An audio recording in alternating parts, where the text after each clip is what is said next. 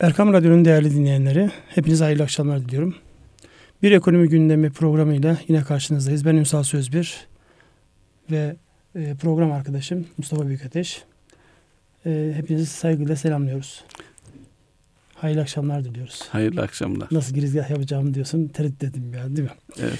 Şimdi bugünkü e, ya bu hafta yine ekonomi gündemi oldukça yoğun. İçeride ve dışarıda çok sayıda veriler var, datalar var. Bu datalar çerçevesinde biz olabildiğince basit, çok fazla e, detaylara girmeksizin e, anlatmaya çalışacağız. İnşallah faydalı bir program olur.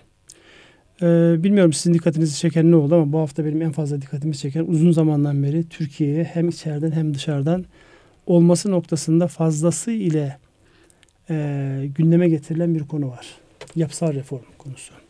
Yani özellikle e, ekonominin daha rahat işleyebilmesi açısından yapısal bazı değişikliklerin yapılması noktasında hem e, içeride piyasanın bir talebi var o anlamda hem de özellikle Türkiye'ye yatırım yapmak isteyen yabancılar açısından bizdeki kuralların karmaşıklığı, sürecin e, uzun ve çok sayıda e, imzaya, prosedüre tabi olmuş olmasından dolayı e, böyle bir beklenti var. Genel anlamda yapısal reform dediğimizde zihninize ne geliyor? Yani yapısal reform olunca neler daha rahatlayacak? Çok detaya girmeyelim. Yani şu an e, hükümetimizin e, gündeminde bu birkaç e, peş peşe açıklanan torba yasası e, hazırlığı var. Orada e, yani bir taraftan iflas ötelemelerin düzenlenmesinden öbür taraftan işte KDV alacaklarının değerlendirilmesi, yatırımların hızlandırmasına kadar çok geniş bir e, perspektif var orada. Çok geniş konular var. İşte hurdaya çıkmış araçların e, devreden çıkarılması, onların yerine bazı teşviklerin sağlanması, özellikle içeride üretilen, yapılan e, üretimlerin teşvik edilmesiyle alakalı konular var. Bu çerçevede değerlendirdiğimizde yapısal reformu şöyle bir başlıklar olarak inceleyelim. Çünkü düzenleme çok fazla ve her açıklamadan sonra e, paketin hacmi çok geniş olduğu için her açıklamadan sonra insanlar anladıkça enteresan itirazlar gelmeye başladılar. Yani burada hani kimseye yaranamamak diye bir sıkıntı da var. Burada tabii ki hükümetin derdi ekonominin rahatlamasını, ekonominin e, çarklarının daha iyi dönmesini sağlayacak tedbirler almak. Fakat yapılan düzenlemeler her zaman olduğu gibi birilerinin hoşuna giderken birilerinin de e, canını sıkıyor ya da düşündüğünün realize olmamasından dolayı e, olumsuz tepkiler verebiliyorlar. Ben bir e, size e, yapısal reform konusundaki fikirlerinizi alayım. Ondan sonra başlıklara yine değiniriz. Ee, düzenlemeler içerisinde e, şirket kuruluşlarının kolay, kolaylaştırılması var. Bir şirket kuruluşu için birçok e, devlet kuruluşuna gidip belgeleri almak, düzenlemek, izin almak bunlar ciddi bir bürokratik e, süreç. Tabii özellikle yurt dışından Türkiye'de yatırım yapmaya istekli olan insanları teşvik etmek için bunların oldukça basitleştirilmesi, kolaylaştırılması çok önemli. Şimdi burada siz e, Türkiye'deki şirket kuruluşlarının ya da süreçlerin uzun olduğunu söylüyorsunuz? Biraz daha açarsak çünkü çok detaya girdiğimizde yapısal reformun e, kendisini ana çatıyı kaçırma riskimiz var. Yani burada şu an genel şikayet işlerin hızlı yürümemesi midir Türkiye'de? E, o da var. Tabii e, bürokrasi her yerde e, ortaya çıkıyor.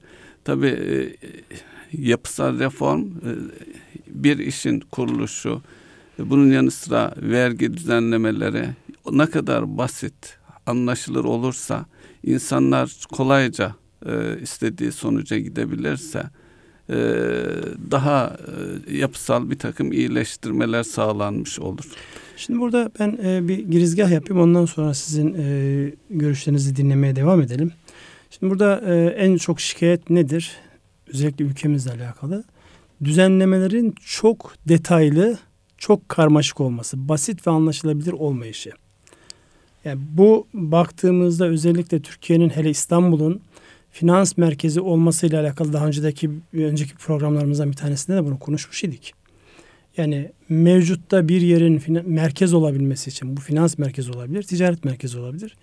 Neye ihtiyaç var temel itibariyle? Coğrafi şartların, fiziki şartların orada uygun olması, işte ekonomik şartların orada uygun olması, politik şartların uygun olması, yani bu e, analizler yapılırken ki fizibilitede kullanılan bütün şartların uygun olması. Ama hepsinden önemlisi kuralların ona uygun hale getirilmiş olması.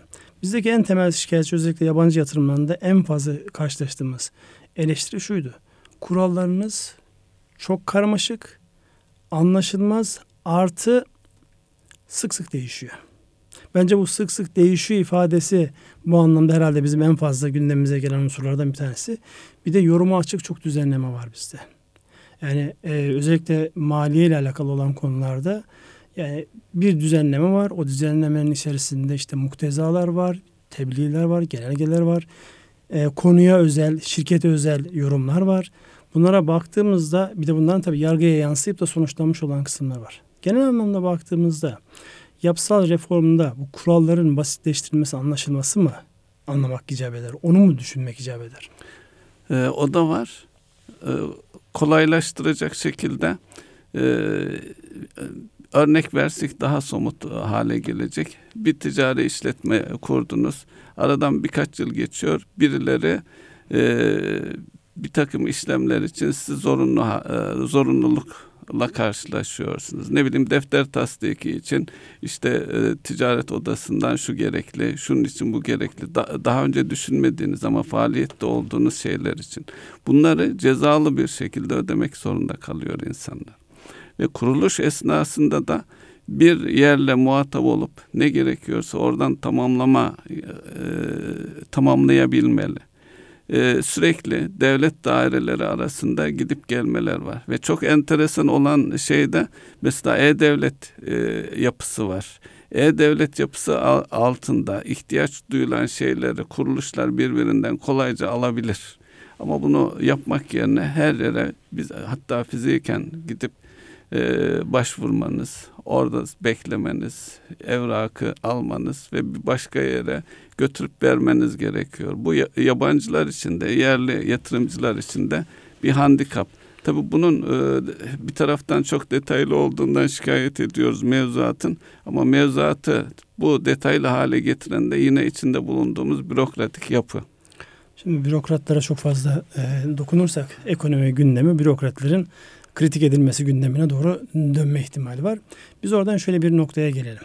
Şimdi e, ekonomiyi biraz da materyalist bir mantıkla değerlendireceğiz ama böyle evreler halinde geçtiğini düşündüğümüzde önce işte avcılık, toplayıcılık dönemi, arkasından işte tarım dönemi, tarımdan sonra endüstri, endüstriyle beraber işte bu elektronik dönem başlaması, dijital çağın başlaması, arkasından işte bir bilgi işçiliği çağı, dijitalle beraber başlayan dij, e, bilgi işçiliği dönemi, dataların, verilerin çok değerli olduğunu ki zaman zaman biz de burada işledik o konuyu.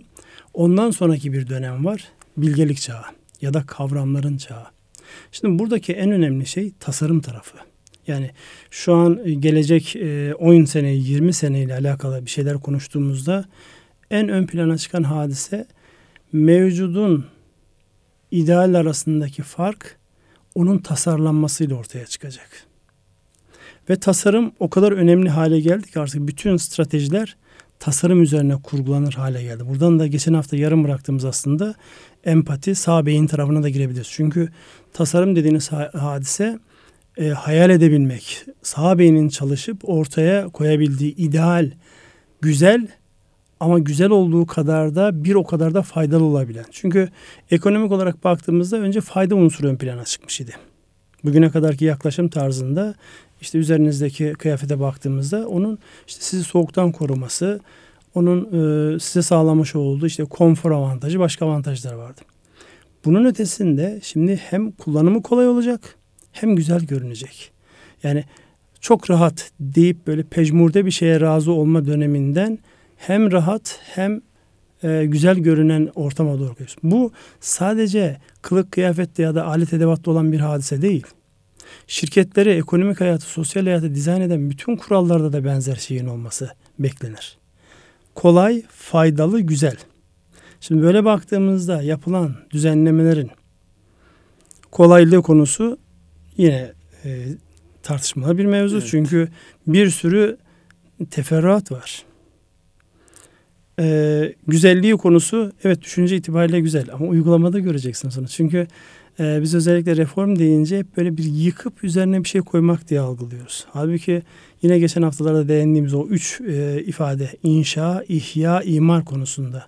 Yani her zaman sıfırdan inşa etmeniz gerekmiyor. Var olanın, insanların geleneklerinden gelen, alışkanlıklarından gelen iyi uygulamaların ihya edilmesi de bir e, yöntemdir. Burada bizim kurallarımızda bu anlamda bir tasarım anlamda baktığımızda önümüzde e, bu düzenlemelerin ya da reformların bu anlamdaki yaklaşım sizin düşüncenizde nereye oturuyor? E-Devlet'den hareket edersek kolaylaştırıcılık dediniz. Kolaylaştırıcılığın bir takım handikaplarımız neydi? Nasıl kolaylaştıracağızı da düşünmek lazım. Bazı e, işlerde bir takım devlet izne tabi kıldığı işler var. Mesela istihdam bürolarıyla ilgili. Şimdi siz faaliyette bulunuyorsunuz. Gerekli her şeyleri e, yapmışsınız. Devlete sunmuşsunuz. Aradan bir süre geçiyor. Üç yılda bir bu izni yenile diyor. Dolayısıyla sanki yeni şirket kurar gibi tüm o bürokratik süreçleri yeniden tamamlamanız gerekiyor. Hal, süreklilik yok ve, diyorsunuz. Ve süreklilik yok. Ve sürekli de bu e, denetim altında olan yapı olmasına rağmen. Yani ee, üç yılda bir örnek vermek gerekirse gidip e, bir ticaret mahkemesinden iflas etmediğime dair bir belgeyi alıp götürüp o ilgili kuruluşa vermem gerekiyor. Halbuki bu e, gerekli mi? niçin gerekli veya daha önce verildi e, belli sürelerle bunun yenilenmesinin ne anlamı var?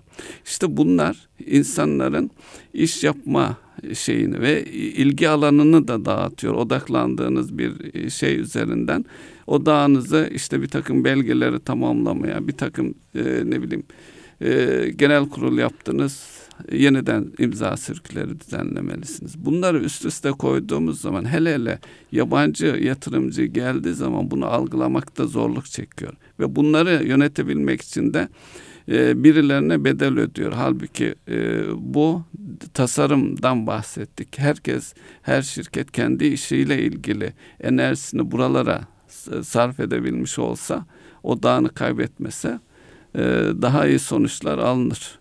Yapısal reformlar dediğimiz zaman bu ilk planda basit gibi görünen şeyler o kadar çok zaman ve para kaybına neden oluyor ki insanlar vazgeçebiliyor. Bir dakika şimdi sizin burada itiraz ettiğiniz hadise yani basitleştirilmesine mi itiraz ediyorsunuz? Basitleştirilmeli. Basitleştirilmeli. E-Devlet diye gir, girizgah yaptınız. E-Devlet'in bu anlamda sağlamış olduğu E-Devlet e, avantajlar. Bir yola girdi. Belli şeyleri oradan alabiliyorsunuz ama siz alacaksınız. Halbuki ilgili kuruluş başvurunuzu şirket kurmak için e, başvurduğunuz zaman bunu sanal ortamda da yapabilirsiniz.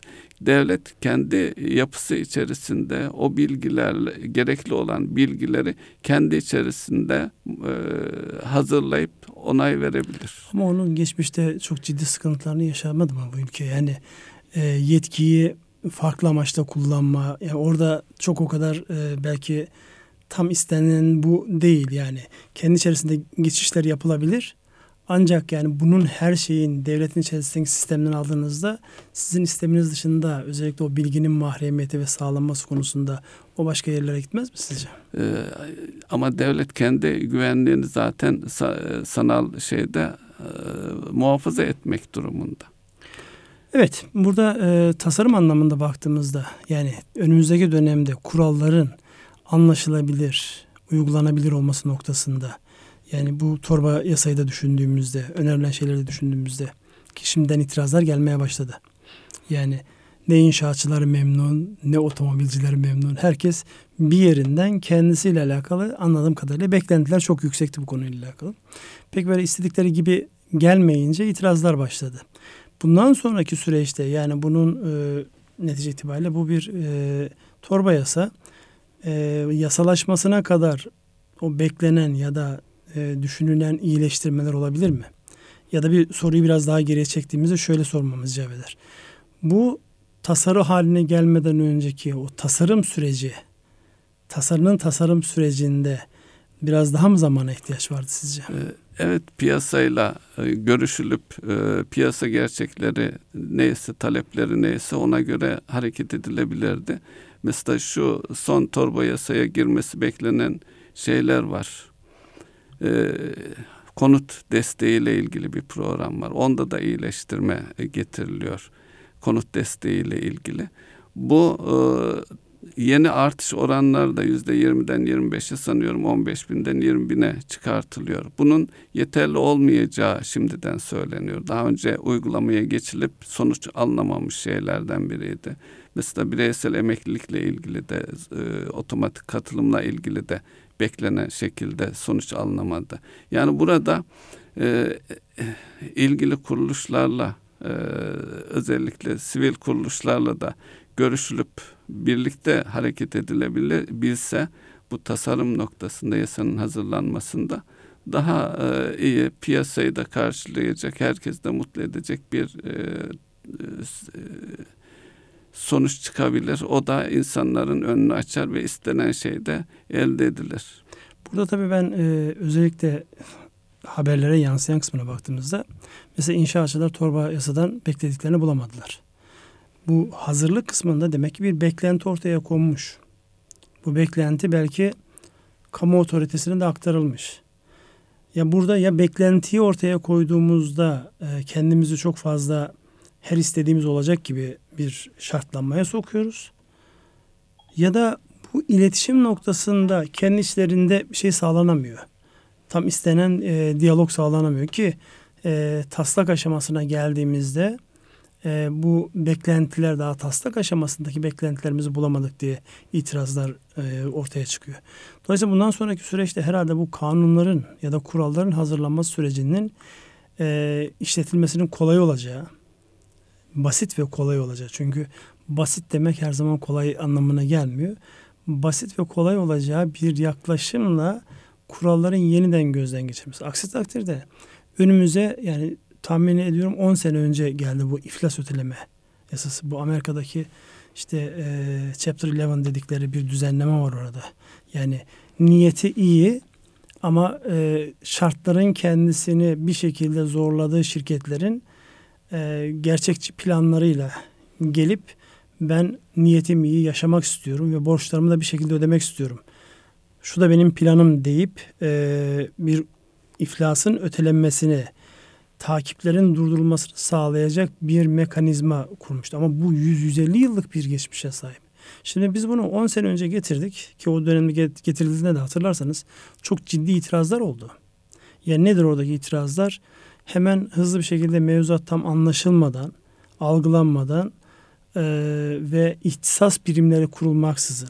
Çünkü burada sizin iyi niyetli olduğunuzu anlayıp evet iyi niyetlidir ve bu yürütülebilir plan diyebilecek bir mekanizmaya ihtiyaç vardı. O hazırlanmadan çok kısa sürede çok sayıda firma iflas ötelemesi kararı aldı ve bu piyasanın birbirine olan güvenini birden allak bullak etti.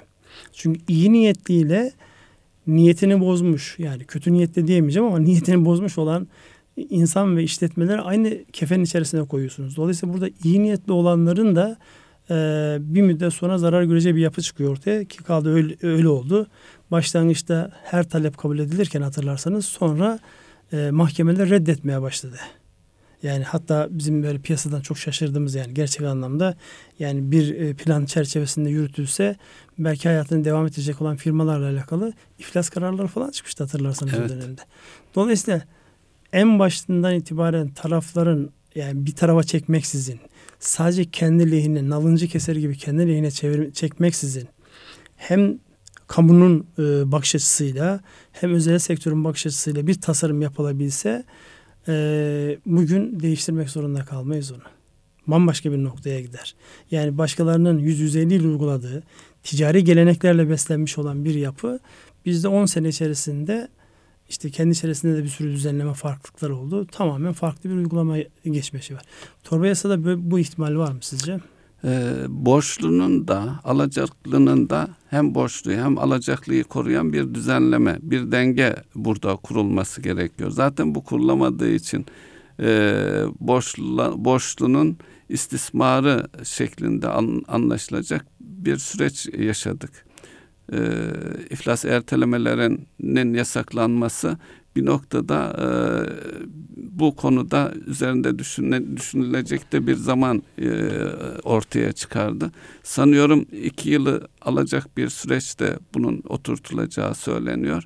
Bu e, şeyden iflas erteleme değil daha önceki Concordato e, ismi üzerinden ve e, mahkemeleri e, Ticaret Sicil Mahkemesi'ni e, Asliye Ticaret Mahkemesi'ni sanıyorum yetkilendirecek bir süreç başlıyor. Tabi burada e, borçlu niyetini bozduğu zaman eğer e, alacaklılar üzerinde de zincirleme etkisiyle e, problemi e, alacaklıları da mağdur edecek bir e, sonuç doğuyordu.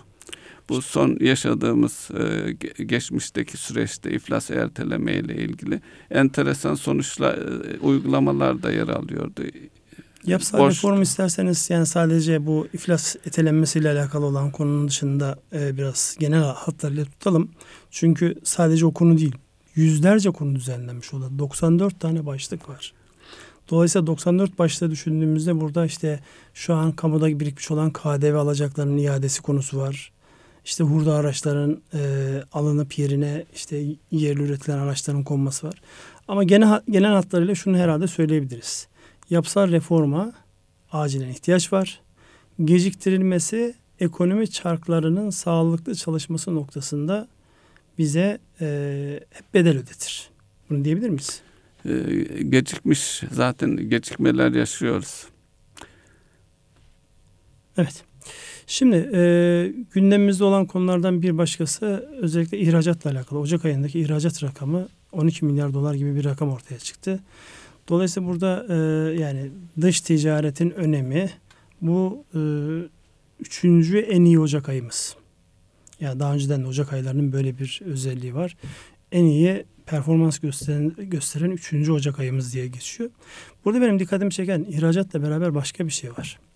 Özellikle nakliye daha doğrusu lojistik e, günümüzün ne üretirseniz üretin ister ticaret yapın ister üretimini yapın e, genel çerçeve baktığınızda lojistiğe ihtiyaç var.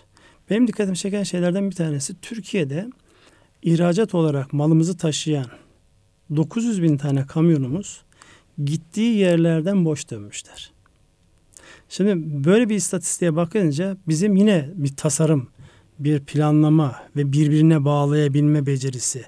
Yani burada baktığımızda bir taraftan Uber gibi ortada bir tane aracın olmadı ama dünyanın en büyük e, taksi filosunun ya da taşımacılık filosunun oluşturulduğu bir yapı var ki tamamen siz ve benden daha iyi bilirsiniz bu yazılım tarafındaki organizasyonları. Bir taraftan öyle bir yapı var. Öbür taraftan da bizim e, yurt dışına mal götüren, ihracatımızı yapan ama boş dönen 900 bin adet tırımız var. Bunu yine tasarım çerçevesinde düşün. Bugün tasarıma takmış vaziyetteyim. Tasarım çerçevesinde düşündüğümüzde ne yaparsak bu kaynak ısrafı bir anlamda boşa giden, boş dönen bu yapıları daha anlamlı hale getirebiliriz. Onun organizasyonu nasıl yapılabilir? Bununla alakalı bir e, lojistiğin karşı ayağını, sizin taşıma yaptığınız yerlerdeki o boş dönüşleri engelleyebilecek bir yapılar kurulamaz mı? E, kurulabilir. Lojistik artık sadece taşıma değil, bunun içerisine depolama da eklenmiş durumda. E, mesela ithalata dayalı işlerde yabancı kuruluşlar gelip e, şirketler Türkiye'de ofisler açıyorlar. Ama bunların deposu yok. Nakliye her şeyi outsource etmiş. Başkalarına yaptırır hale gelmiş durumda. Bu e, Uber benzeri yapılar Türkiye'de de kurulmaya çalışılıyor, harekete geçirilmeye çalışılıyor. Yani kamyon e, sahiplerinin, kamyon taşımacıların e, bir yurt içinde ve yurt dışı da dahil bir yerden bir yere giderken bir e, o altyapıyı kullanarak hem ihtiyaç e, taşıma yaptıracakların hem de taşıyanların bir arada e, buluşacağı bir platform. Bunun üzerinde çalışmalar var. Uygulamaya geçenler de var. Ama lojistik hele hele daha önceki programlarda da konuştuk. E, İpek yolu, demir yolu şeyi üzerinden. E, Türkiye'nin çeşitli yerlerinde de buna yönelik yatırımlar da e, konuşuluyor. Yani demir yoluyla, deniz yoluyla ve e, kamyon taşımacılığını da kapsayacak şekilde entegre hale geliyor. Hatta bu konuda büyük şirketler e, deniz taşımacılığı olan kara taşımacılığı ve demiryolu taşımacılığını da e, ön plana alıyor. Birbirine bağlantılı. Evet biliyorsunuz demiryolunda da e, aynı havaalanlarında olduğu gibi taşımacılık yapan şirketlerin kendi lokomotiflerini ve kendi katarlarını oluşturacağı sadece demir yollarını kullanacağı ve devletin de demiryolu yatırımına odaklanacağı bir dönüşüm hazırlıkları da var. Halbuki bu dönüşüm yani Doğu blokuna baktığınızda beğenmediğimiz komünist e, Sovyetler Birliği'nde her fabrikanın içerisinde yani tren yolu girişi vardı ve onu e, yük tamamlandığında ister e, network'e dahil olmak şeklinde Katar'a dahil ediliyor bir tane vagon ya da birkaç tane vagon varsa onun bir yerden bir yere ulaştırılması o kadar kolay olan bir yapı dizayn edilmiş. Yani bu mümkün ve yapılan ülkeler var. Güzel uygulamaların olduğu ülkeler var. Tabi lojistik meselesi değil. İhracatla alakalı bağlantılı olarak bir şey var. Kurlardaki e, bu parite değişikliği.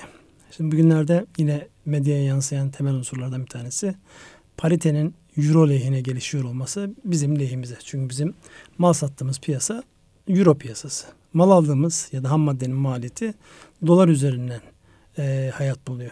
Dolayısıyla bu paritenin lehimize gelişmiş olması ihracatımızın da bundan sonraki maliyetleri oluşturma anlamında teşvik edeceği bir unsur olarak karşımıza çıkıyor.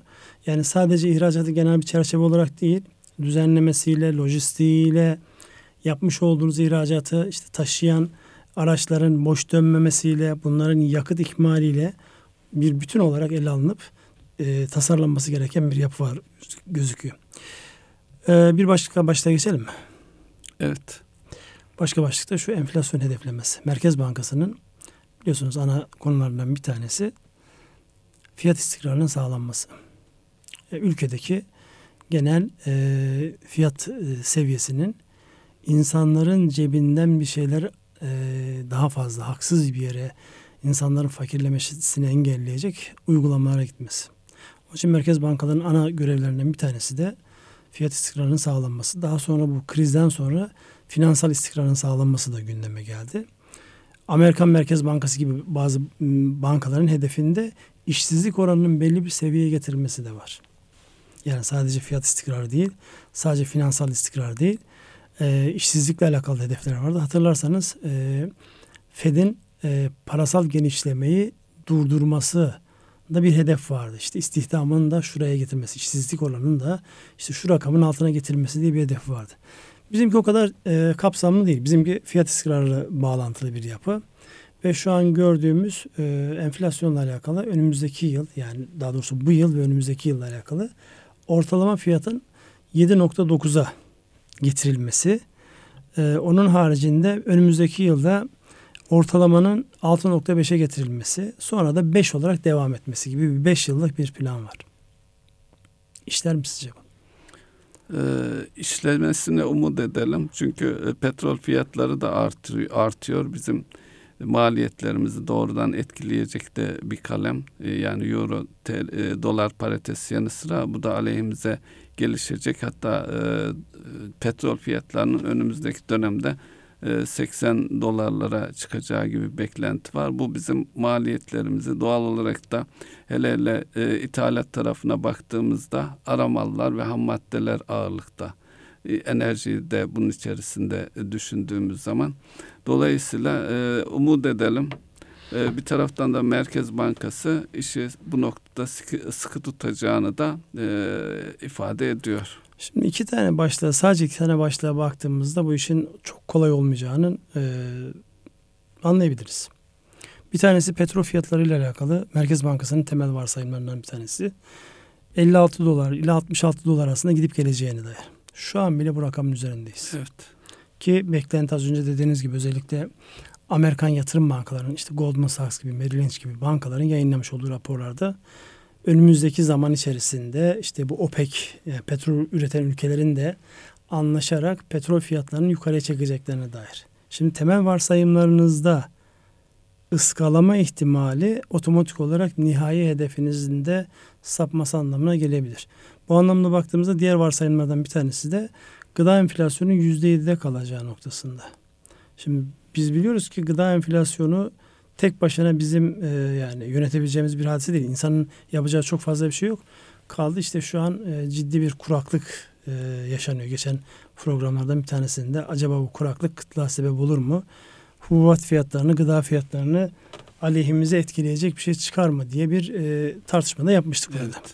Bunların hepsini birlikte değerlendirdiğimizde e, kısa vadede 7.9, 6.5 sonra da 5'e gelme noktasını bir anlamda sakatlayan bir konu daha var. O da e, çalışanlara yapılan zamlar. Asgari ücrete %14.2 zam yapıldı. Ortalama şirketlerinde çalışanlara yapmış oldukları zam %12 civarlarında. Şimdi bunların hepsini birlikte yan yana koyduğumuzda bir tanesi realite, öbürleri beklenti ve o, o beklentilere e, uyan yaklaşım.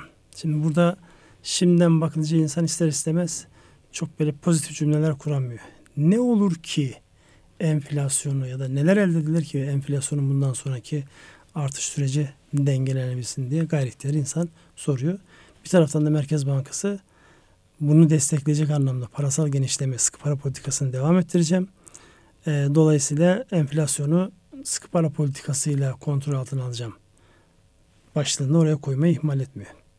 Yani bir taraftan gerekçelere bakıyorsunuz, varsayımlara ve onun gerçekleştirme tarafına bakıyorsunuz. Öbür taraftan da böyle bir iddia var. Bu iddiayı sizce gerçekleştirebilir mi? Ya da bu konuda bir yorumunuz olur mu? Yani e, umut edelim zaten siz açıklamalarınızda bunun çok zor olduğunu ifade ettiniz. Evet çok zor görünüyor. Buradaki e, tek avantaj şöyle görünüyor. Kurlarla alakalı yani çok yüksek beklentilerin olmayışı. Orada sadece pariteyle alakalı bir yani bizim aleyhimiz olan o da mal sattığımız piyasadaki yani euro piyasasının şu an kuvvetli oluyor olması, euronun dolar karşısında kuvvetli oluyor olması bizim ham madde girdilerimizde dolar üzerinden oluyor olması eğer dolara bağlı, kur artışına bağlı bir maliyet avantajı olursa orada e, bu hedeflemeye yaklaşabiliriz. Ama baktığımızda şu anki e, diğer girdilere baktığımızda bunun çok kolay olmadığını, olamayacağı noktasında sadece Merkez Bankası'nın Allah Merkez Bankası'nın Allah yardımcısı olsun. Yani kolay olmayan ama herkesi de birebir etkileyen bir hadise bu. Ki bunun mesela e, benzer açıklamalarını e, ekonomiden sorumlu bakanımız Mehmet Şimşek'in açıklamalarında görüyoruz. Önümüzdeki yıldaki e, ana unsurlardan bir tanesi enflasyonu böyle şey, düşüreceğiz diye bir şey varmış. Basa basa söylüyor. İster istemez biz de şunu soruyoruz. Nasıl? Nasıl sorusunun cevabını eğer bulabilirsek enflasyonla alakalı da e, sorularımızın ya da beklentilerimizin ön açılacaktır. Mehmet Şimşek'in yapmış olduğu açıklamalardan bir tanesi de Türkiye'nin yurt dışından borçlanması ile alakalı. Çünkü ekonominin büyüyebilmesi için e, kaynağa ihtiyaç var. Yapısal reformlarda da temel unsurlardan bir tanesi buydu. E, yani eğer girişleri kolaylaştırabilirsek, basitleştirirsek e, istemiş olduğumuz kaynağa daha rahat ulaşabiliriz diye bir düşünce vardı. Orada da yeni piyasamız Çin ve Rusya. Yani borçlanma anlamında Amerikalıların bütün e, borçlanma ihtiyacını karşıladığı Çin piyasasına panda e, piyasası dönüyor orası e, sembol olarak. Panda piyasasına yönelmekle alakalı bir şey var. Çin bu anlamda nasıl bir kaynak olur ya da Çin'in bize bu anlamda nasıl faydası olur? Biliyorsunuz yakın zamanda Çin bir banka satın aldı Türkiye'de. Bir de banka kurdular. Bu çerçevede değerlendirdiğimizde e, ne demek gerekir? Ee, sanıyorum bir de bu pazarlara ruble ve e, Çin e, yuan e, üzerinden tahvil ihracı da e, konuşuluyor. Evet. E, bu ihraçlar or, oradaki ticareti de kolaylaştıracak şeyler. Tabii şu anda Amerikan, e, Çin özellikle Amerikan tahvillerini elde, elinde tutuyor. Onlara yatırım yapmış durumda. Yani e, sürekli dış ticaret fazlası veren bir ülke. Bizim de e, ciddi ticaretimiz var. Bizim de aleyhimize işleyen bir şey var. Eğer oralardan borçlanabilirsek ki bu Türkiye'de kurulan yeni izni alınan banka buna benzer finans kuruluşları Türkiye'de faaliyetlerine başlarsa e, oradan gelecek kaynaklar da artacaktır. Yani oradaki fazla kaynakları ülkemizde e, finans ihtiyacımızı e, karşılamakta daha e, efektif kullanmak mümkün. Yine bu yapısı aklıma geldi yapısal reformlarla ilgili yabancı yatırımcıların getirdiği sermayeyi faaliyetten itibaren belli bir süre e, kuru sabitlemek yani onun üzerinden e, fiktif vergi doğmasını önleyecek de bir düzenleme sanıyorum e, şey içerisinde yer alıyor. Yani yabancı para getirdi sermayesini yabancı para iz, izlediğinde oradan bir kur farkı sanki gelir varmış gibi kar algılanıp, etmiş gibi dolayısıyla vergi vergiye tabi oluyordu. Şimdi onu, onu e, engelliyorlar. Yani kolaylaştırıyorlar. Cezalandırıcı bir e, unsurdu. Onu da telafi edecekler sanıyorum. Ya, öğrenmenin e, en kesin ve unutulmaz yolu deneysel öğrenme. Bu anlamda baktığımızda bizim bunu tecrübe edecek çok fazla deneyimimiz oldu. Yani yabancı e, sermayeyle gelip Türk lirasına çevirdiği için kendi merkezinde zarar ediyor gibi görünen ya da yabancı para takip edip kur fark üzerinden vergi verip yine kazanmadığı halde vergi veren bu anlamda çok fazla uygulama var. Bunların hepsi birlikte düşünüldüğünde ortaya deneye dayalı bir uygulama çıkabilir. Yani yine aynı noktaya geleceğiz. Kural koyucularla uygulayıcıların aynı pencereden bakabilmesi. Basitleştirilmesi, kolay anlaşılır olması. Uygulamasının kolay olması. Çünkü evet. altını çiziyoruz. Basit, kolay demek değil. Peki burada yine e, sizin ihtisas alanınıza giren e, bir konuydu. Yani aynı masaya farklı çıkar e, gruplarını düzenleyenle bunu uygulayacak olan nihayetinde bir tanesi otorite ve denetlemesini yapıyor. Öbürü de bunu uygulayacak olan. Nasıl getirilebilir bu? Hangi sorularla, hangi yaklaşımlarla bu insanları daha fazla bir araya getirip ortak akılla e, bu düzenlemelerin ve uygulamaların çıkması sağlanabilir? Ee, ihtiyacımız olan şey e, kaynaksa bu kaynağı nasıl elde edebiliriz? Yani burada empatiyi de yapmak lazım. Empati yapmak lazım. Yurt dışındaki bir yatırımcı e, bizim Niye gibi birçok ülke varken e, bize benzeyen ülkeler, gelişmiş ülkeler, gelişmekte olan ülkeler niye buraya gelip yatırım yapsın? Bu sorunun cevabını bu e, empati yaparak bulursak e, onları anla, anlamış oluruz. Öncelikle anlarız ve ona göre de kendi e, tasarımımızı yapabiliriz. Bu tasarımı yaptığımız zaman da bunların geleceğinden emin olabiliriz. Çünkü yatırım yap, yap, yapılabilecek e, ülke notuna sahip değiliz ama yatırımlarda devam ediyor. Demek ki bir takım şeyleri kolaylaştırabilsek e, istediğimiz sonucu alacağız. Evet. İki tane başlığımız kaldı. Bir tanesi güven endeksleri. Yani geçtiğimiz hafta içerisinde yayınlanan bütün ekonomi güven endeksi, tüketici güven endeksi. Burada e, genel havada zaten bizim sokaktaki insan olarak hissetmiş olduğumuz havayı ankete katılan deneklerin de görüşleri benzer bir şey veriyor. Şu an müthiş bir e, pozitif hava var. Yani geçen hafta konuştuğumuz işte e, Afrin operasyonu ki Allah e, ordumuzun yardımcısı olsun. Çok güzel şeyler yapıyorlar. İnşallah bu iletişim, bu algı yönetiminde devam ederek güzel şeyler de sonuçlanacaktır. Oradaki mazlum olan insanların da hayatlarına bir rahatlık, bir nefes, bir e, ferahlama gelecektir. Biz de terörden bu anlamda güvenlikli hale geleceğiz. Güven endekslerine baktığımızda burada ekonomik güven endeksinin malumunuz içinde tüketici güven endeksi, reel sektör güven endeksi, hizmet sektörü güven endeksi ve inşaat sektörü güven endeksi var. Hepsinde pozitif bir hava var. Bizim lokomotif sektörümüz şu an inşaat. İnşaatta henüz daha yüzü yakalayabilmiş değiliz. Yani 81'den 87'ye gelen bir iyileşme var. Ee, ama onun ötesinde tüketici güven endeksi yani bizlerin ötelediğimiz, ertelediğimiz e, alışverişlerimize, ekonomiye canlılık katacak alışverişleri de sanki teşvik edecek bir hava var orada. Çok ciddi yüzde 11'lik bir e, iyileşme var. Baktığımızda 65'ten e, yüzde 72'ye çıkmış durumda burada. Bunun piyasaya yansıması nasıl olacak? Bunu güven endekslerini bu anlamda bir değerlendirir miyiz? E, piyasaya yansımaya başladı zaten. Geçen haftaki endeks e, göstergelerde iyileşme yönündeydi. Bunları gördükçe e, siparişler, e, yurt içi yurt dışı siparişler olumlu etkileniyor. Bir genel bir canlanma hissedilir bir e, şekilde özellikle Ocak ayında hissediliyor. Bu e, şu anki bu göstergelerdeki iyileştirme iyileşmeler önümüzdeki yani içinde bulunduğumuz çeyreğin e, daha iyi geçeceğini ifade ediyor.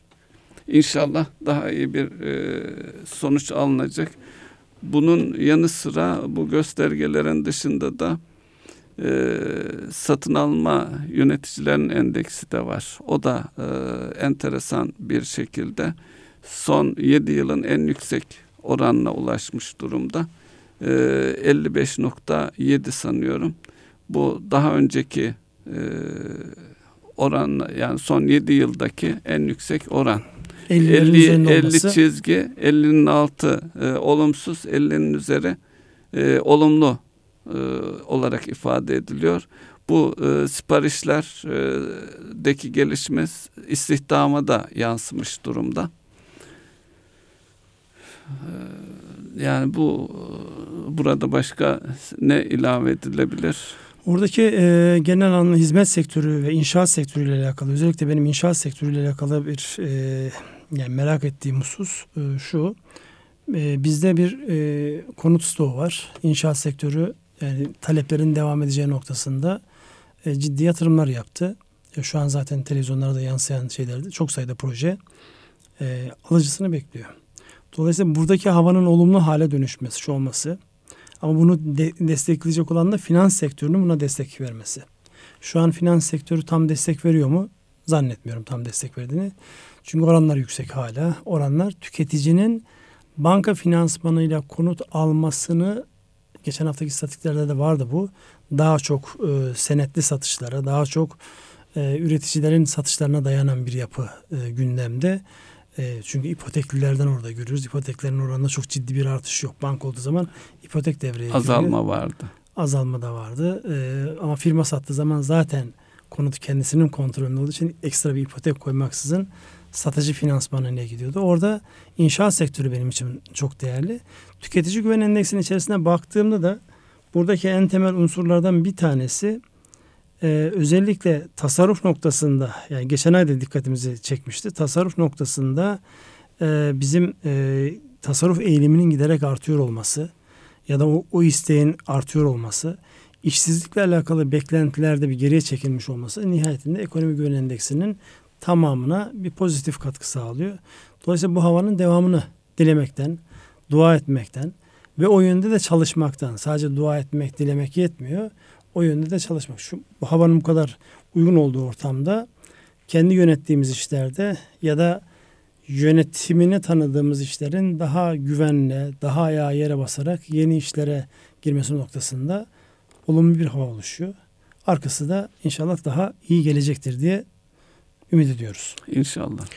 Buradan son konuya geçiyoruz. Sizin en sevdiğiniz konu. Bitcoin. Hindistan bir açıklama yaptı. Yani bu Bitcoin çıktığından beri zaten bir türlü içim ısınmadı ya buna.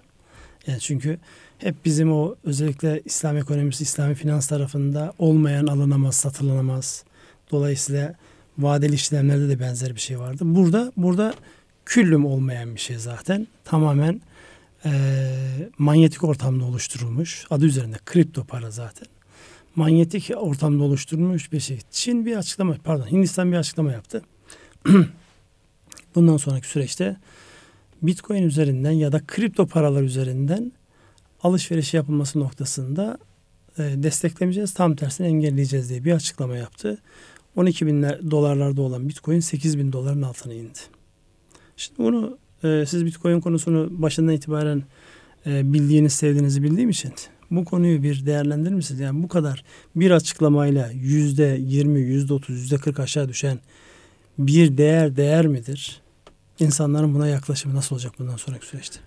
Bir de bir şey daha var. Son dönemde özellikle Türkiye'de gümrüklerde Bitcoin üretiminde kullanılacak, o teknolojide kullanılacak cihazlara yönelik çok ciddi e, yani kaçak yollarla içeri sokulmaya çalışan cihazlar yakalanıyor.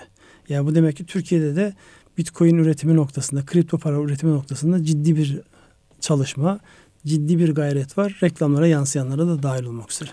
E, tabii bu Bitcoin'in e, son dönemde yaşadığımız e, performans nedeniyle e, bu konuda iş yapmak isteyen, sanal para çıkarmak isteyenlerin iştahını kabartmış durumda. Çok sayıda sanal para ortaya çıkmaya başladı.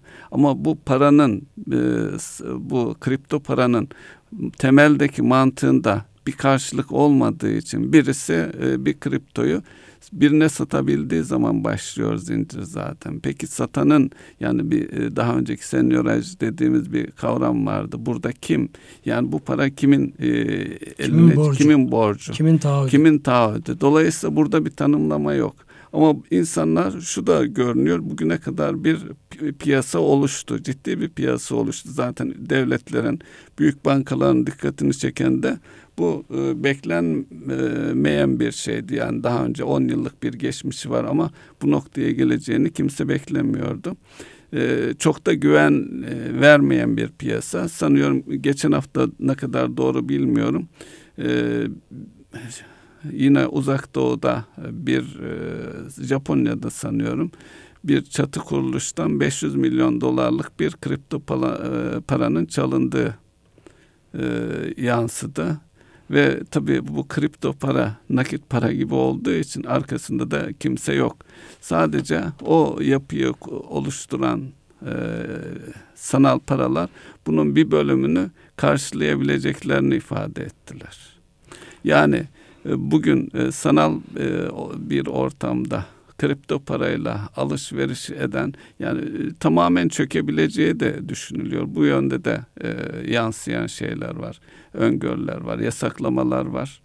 E, ne olacağı belli değil. Bu arada yeni kripto paralar çıkıyor. Sanıyorum ülkemizde de birkaç tane e, reklamına rastladım ben. Neyse biz en azından reklamını yapmayalım. Çünkü itikaden de ekonomik olarak da zihnime oturmayan bir hadise bu kripto para mevzu.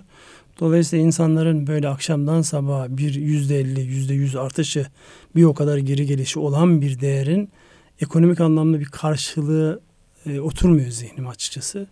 Dolayısıyla insanlarımızın da bu anlamda e, en azından bilmedikleri ki burada bilinmeyen çok şey var. Bilmedikleri konulara merak sarıp oralarda ellerini kollarını kaptırmamalarını tavsiye ederiz. Benim e, temennim, dileğim bu yönde. Çünkü bir açıklama eğer bir değeri yüzde otuz, yüzde kırk aşağı getiriyorsa o zaman sorarlar yani buna bugüne kadar ki yol verilmenin sebebi neydi? Bu konuda özellikle Amerika'nın ve Çin'in tavrı şey değil, yasaklayıcı değil. Sorulduğu zaman böyle net olmayan ifadeler kullanıyor. Hatırlarsanız görevden evet. ayrılan e, Fed Başkanı Yelen'in açıklaması vardı. Yani kötü olduğunu söyleyemem. Peki iyi mi? Onu da söyleyemem. Dolayısıyla ortaya insanların özellikle çok hızlı para kazanmak isteyen insanların, biraz böyle macera perest insanların artı e, niyeti biraz belki de kara para aklamak olan, belki başka amaçlarla kayıtta olmayan paraları değerlendiren insanların merak haline geliyor. Onun için bilinmeyen, belirsiz ve kimin taahhüt ettiği belli olmayan bu borçlanma yapısı ya da bu değer yapısı ya ben e, bireysel anlamda bunu bir tavsiye olarak değil ama bireysel anlamda yaklaştıramadığım için kendime, zihnime kimseye de tavsiye etmiyorum bu anlamda. Birileri kazanıyor ama o kazananların kim olduğu ortada yok. Neyse inşallah e, buradan e, o bilmediği halde e, bedel ödeyen insanlar çıkmaz. Yani bir de Bitcoin mağdurları diye bir e, grup e, hazinenin Merkez Bankası'nın hükümetin önüne gelmez inşallah. Evet, e, Erkam Radyo'nun değerli dinleyenleri bir ekonomi gündemi programının daha sonuna geldik. Sürçülisan eylediysek affola. Niyetimiz bildiğimiz, görebildiğimiz kadarıyla dilimizin döndüğünce bir şeyleri aktarmak ve insanların bundan fayda etmesini sağlamak. E, hepinize hayırlı akşamlar diliyorum. Hayırlı akşamlar.